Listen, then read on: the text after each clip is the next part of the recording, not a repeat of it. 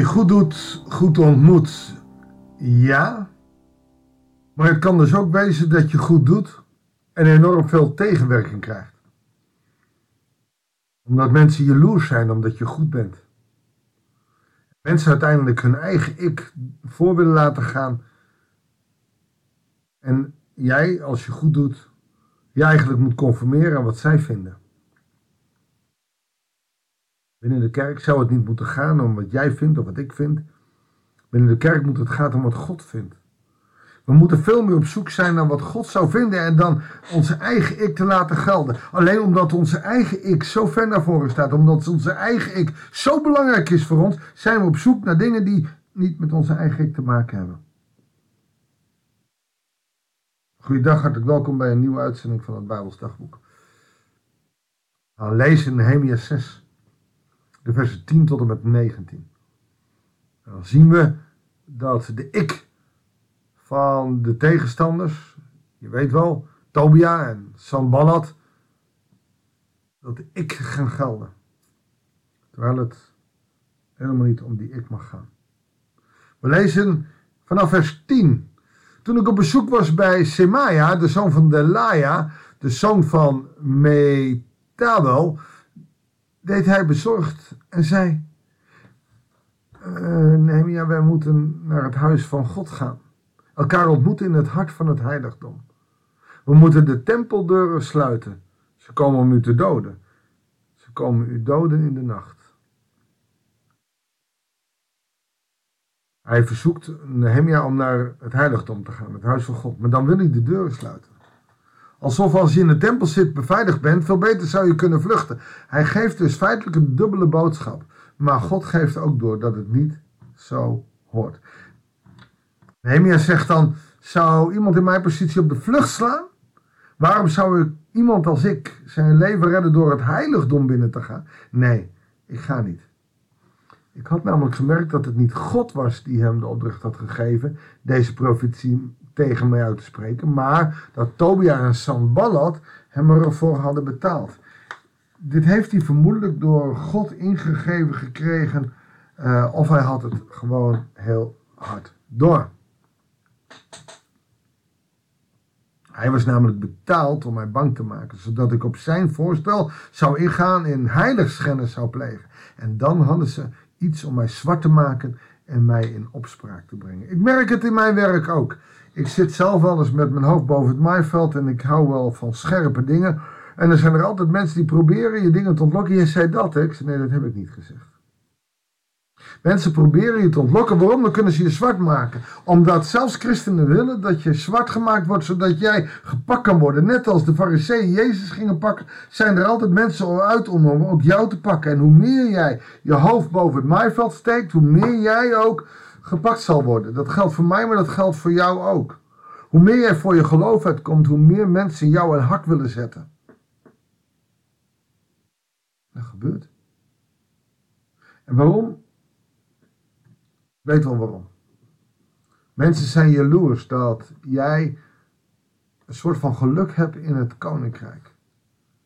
Zij willen dat ook, maar hebben het niet. Hun ik is hun God en, ze komen niet verder. En dan komt er een gebed. Mijn God, denk aan alles wat Tobia en Samballat hebben gedaan. En ook aan de profeet, profetes Noadja en de andere profeten die erop uit waren om mij bang te maken.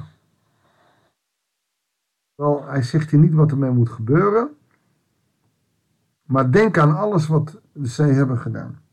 Er zijn dus steeds meer mensen die hem een pootje willen lichten, die hem onderuit willen halen. Waarom? Omdat hij goed doet. Maar ook omdat ze bang zijn dat de muren van Jeruzalem weer gaan staan. En die muren staan voor een goede verdediging. En die staan ook voor het feit dat God dan zijn intrek weer zal nemen in Jeruzalem. En als God eenmaal weer in het land is, dan kun je het wel shaken. Want dan ben je de sjaak, om het maar even populistisch te zeggen. En nou, dan kan je niet meer ten strijde gaan. Dus zolang de muur kapot was, waren ze oppermachtig. Maar wanneer de muur opgetrokken is. Zo mogen wij ook een muur optrekken. Niet voor onze psyche, niet voor onze ziel, maar om ons behoud in Christus. Die muur heet Jezus Christus. Het is niet een muur daar je je gevoel niet doorheen kan zeggen, maar wel die je beveiligt. net als het schild van, uh, van de wapenrusting. Een schild beschermt je wel, maar het betekent niet dat, dat je niet over je gevoel kan praten of wat dan ook. Dus het is geen emotionele muur optrekken.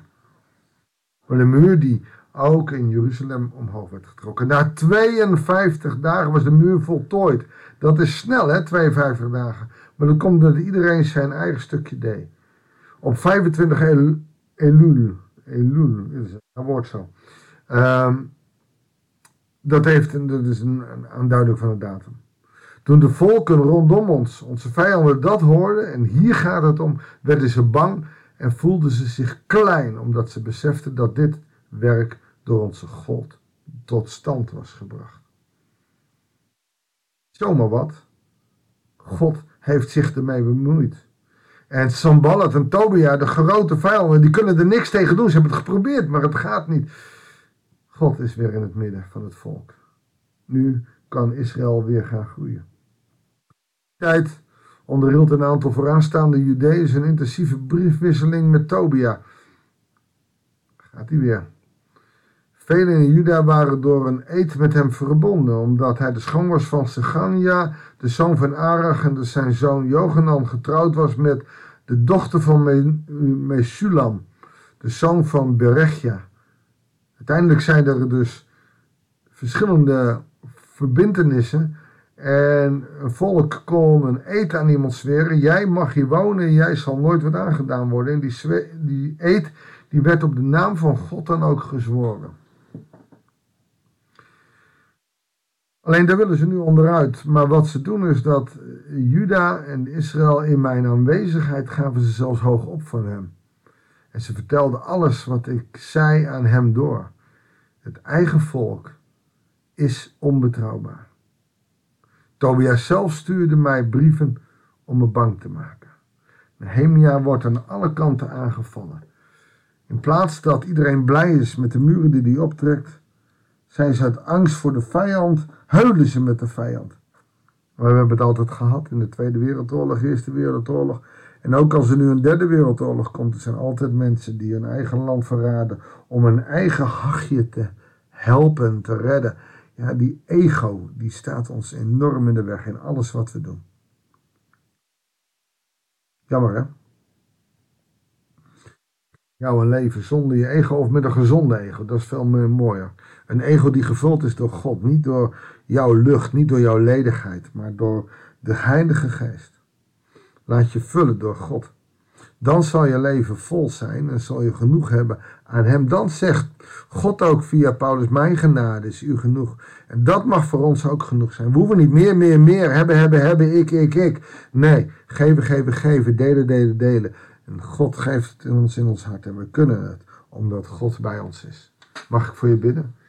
Heer God, dank u wel dat u net als bij Nehemia ook dicht bij ons bent. En dat we de muren en schilden van geloof om ons heen mogen zetten om ons te beveiligen tegen de, de Abelos, hè, tegen, de, de, tegen de duivel die zijn vurige pijlen op ons afstormt. Heere God, u bent een God die ons bewaakt. U bent een God die ons in de vrijheid helpt om die vrijheid te houden. Zodat we vanuit die vrijheid kunnen en mogen leven. Ter ere en glorie van uw grote naam. Heer, zet een wacht om ons heen. Als we slapen, maar ook als we leven. Wilt u een muur van engelen om ons heen zetten, zodat we beveiligd worden. En uiteindelijk moeten we zelf kiezen. En wilt u ons door de kracht van uw geest bewaren, dat wij altijd de juiste keuze maken. Heer, dat bidden wij u in Jezus' naam. Amen. Dankjewel voor het luisteren. Ik wens je heel veel zegen en heel graag tot de volgende uitzending van het Bijbels Dagboek.